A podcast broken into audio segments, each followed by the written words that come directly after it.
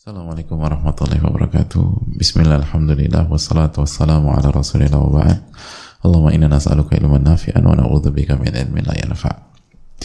Hadirin Allah muliakan Alhamdulillah kita bersyukur kepada Rabbul Alamin yang telah memberikan kita taufik dan karunia Allah berikan uh, kepada kita tanpa henti sampai detik ini kita masih bisa bersama ilmu yang bersumber dari Al-Quranul Karim dan Sunnah Nabi SAW kembali kepada para ulama kita, kembali ke buku yang sangat fenomenal Riyadus Salihin dan kita sudah sampai bab ukukul walidain durhaka kepada orang tua dan memutuskan tali silaturahim. Dan kita sudah berada di ayat kedua atau dalil yang kedua surat Ar-Ra'd ayat 25 Allah berfirman walladzina yanquduna ahdallahi min ba'di mitsaqi wa yaqta'una ma amara Allah bihi an yusal wa yufsiduna fil ardi ulaika lahumul la'nah walahum su'uddar Hadirin Allah muliakan orang-orang yang meng, me, merusak janji Allah Subhanahu wa taala setelah diikrarkan dengan teguh dan memutuskan apa yang Allah perintahkan untuk disambung dan melakukan kerusakan di atas muka bumi ini. Orang-orang itulah memperoleh laknat dan mereka punya tempat yang buruk di neraka jahanam. Hadirin yang Allah muliakan, eh, pertemuan yang lalu kita sudah jelaskan ini menunjukkan bahwa birul walidain atau silaturahim ini bukan bukan tentang selera kita suka-suka kita kalau kita mau kita sambung kalau nggak kita nggak sambung. Tapi ini tentang ini tentang perintah Allah taala. Ini tentang perintah Allah subhanahu wa taala. Maka apabila ini perintah Allah kerjakan. Tapi hatiku masih nyesek nanti Allah yang bersihkan hati kita nanti Allah yang obati. Allah itu asyafi yang maha penyembuh. Dan dan agar Allah sembuhkan hati kita dari rasa nyesek dan seterusnya nurut sama Allah Subhanahu wa taala. Nurut sama Allah Subhanahu wa taala. Kalau kita nurut Allah sembuhkan. Dokter itu nggak bisa menyembuhkan. Dokter itu bisa mengobati dan syarat dokter mengobati kita nurut sama dokter. Begitu kita nggak nurut sulit kita mendapatkan kesembuhan dari Allah Subhanahu wa taala. Dan begitu kita nurut secara umum alhamdulillah dengan taufik Allah sembuh. Lah itu dokter. Lalu bagaimana Allah taala asyafi ini yang menyembuhkan langsung Kenapa Anda nggak nggak nggak baik sama orang tua? Saya masih sakit hati. Iya, kita ngerti. Orang tua, salin orang tua gue dong. Ngerti, emang orang tua lo salah. Tapi ini perintah Allah. Nanti Allah sembuhkan. Nurut dulu. Dan sebaliknya, Anda gunakan pola itu, emang berhasil. Emang jadi tenang gitu. Jadi dewasa. Jadi matang. Yang ada itu tadi dilaknat. Dijauhkan dari rahmat Allah. Begitu hidup tak jauh dari rahmat Allah berantakan hidup kita. Hidup nggak disayang sama Allah kan hancur hadirin. Hidup dimurkai sama Allah itu kan mau ke mana kita? Semuanya salah. Kalau Allah udah murka semuanya salah. Sebaliknya kalau Allah sayang semuanya enak. Jadi sekali lagi menyambung tali silaturahim dan uh, birrul walidain. Makanya kan sekali lagi men, apalagi meny, meny, menyambung tali silaturahim kan menyambung orang yang memutuskan kan berat banget. Siapa yang bilang menyambung tali silaturahim gampang? Coba angkat tangan. Nggak ada kan? Susah.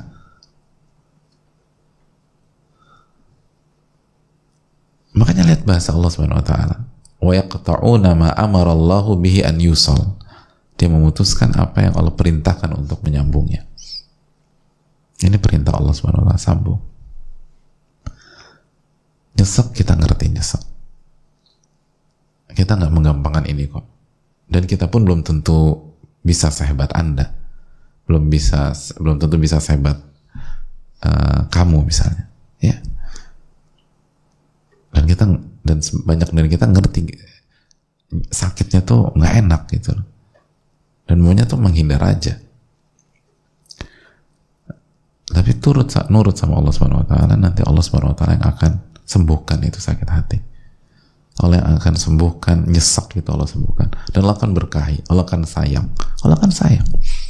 Dan di akhirat dia masuk surga Allah subhanahu wa ta'ala. Di akhirat dia masuk surga Allah subhanahu wa ta'ala. Sebuah paket komplit Allah akan sembuhkan rasa sakit hatinya. Lalu Allah akan sayangi dan di akhirat dia masuk surga. Di akhirat dia masuk surga. Jadi itu pentingnya nurut kepada Rabbul Alamin. Dan jangan durhaka sama orang tua. Hidup kita nggak berkah udah durhaka sama orang tua memutuskan hidup kita berantakan nggak berkah masalah nggak selesai-selesai hati sakit hati akan kotor karena kita hidup dalam laknat. Allah na'udzubillah tuh na'udzubillah. Dan kalau wafat diancam masuk neraka. Sebaliknya kalau kita menyambung tali silaturahim kita berbakti sama orang tua maka hidup kita dirahmati sama Allah Allah akan sembuhkan penyakit hati kita. Dan kalau kita wafat dimasukkan ke dalam surga. Itu sebuah kenikmatan dari Rabbul Alamin. Kenikmatan yang sangat luar biasa.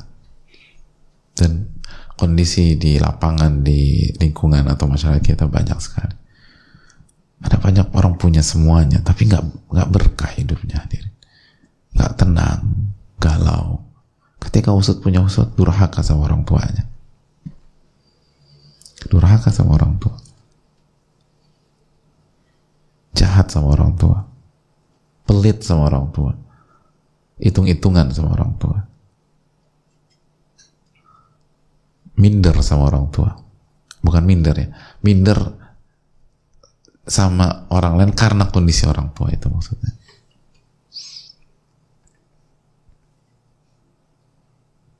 itu itu nggak berkah. Karena dilaknat.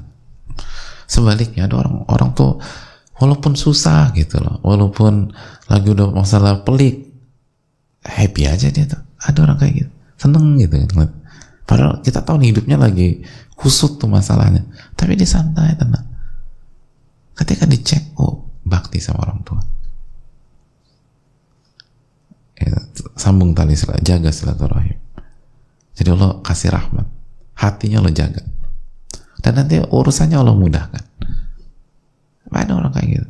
Lagi oh gue salut sama dia. Kalau gue udah berantakan hidup gue dia tuh masih tak apa sih sebenarnya? Setelah bertakwa sama Allah setelah hubungan sama Allah bagus amirul walidain itu orang tuh kalau sama orang tua tuh luar biasa. Allah kasih rahmat. Allah kasih Allah kasih rahmat. Allah taala alam saya rasa cukup sampai di sini. Jazakallah khairan atas uh, atensi dan perhatian. Dan insya Allah kita akan lanjutkan lagi. Subhanallah la ilaha illa anta astaghfiruka wa assalamualaikum warahmatullahi wabarakatuh. Saya ingin murid-murid saya kelak mendapat kebaikan dari Allah Subhanahu wa taala, lalu mereka menebarkan kebaikan yang ada di lingkungan sekitarnya dan itu semua tidak akan bisa didapat kecuali dengan cara belajar ilmu agama dan mengamalkannya.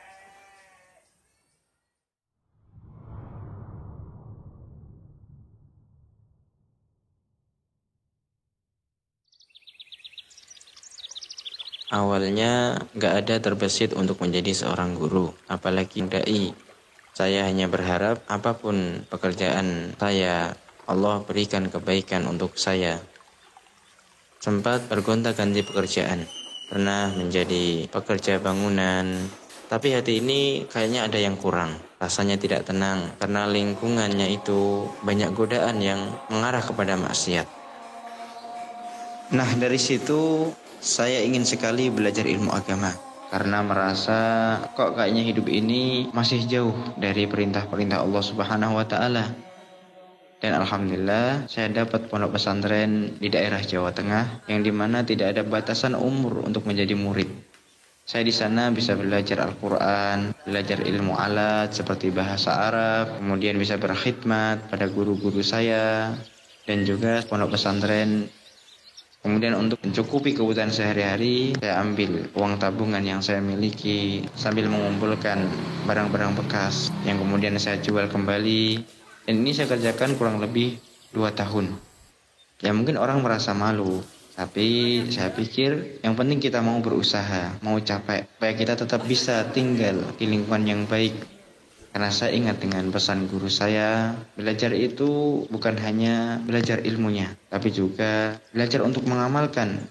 Harus bersabar, sungguh-sungguh, dan konsisten sampai selesai. Insya Allah akan diberi keberkahan. Atas taufik Allah Subhanahu wa Ta'ala, saya diberi amanah untuk mengajar akidah, adab, kitab tafsir di usia anak-anak SD. Saat mengajar itu menjadi pelajaran yang banyak bagi saya. Karena mengajar itu bukan hanya mengajar di kelas, tapi juga memperhatikan anak-anak didik kita, menasihati murid saat mereka berbuat kesalahan. Bahkan ketika mereka sudah lulus.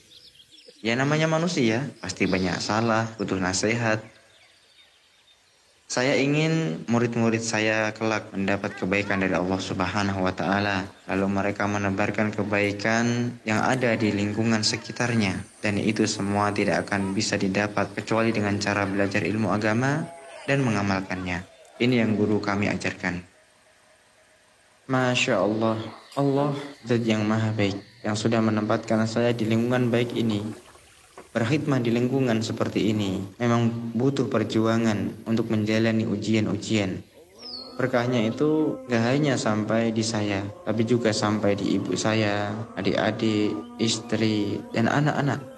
Allah Subhanahu wa Ta'ala memberikan amanah yang sangat besar ini, dan semoga ini menjadi wasilah saya dan menjadi wasilah keluarga saya untuk Allah Subhanahu wa Ta'ala memasukkan ke dalam surganya.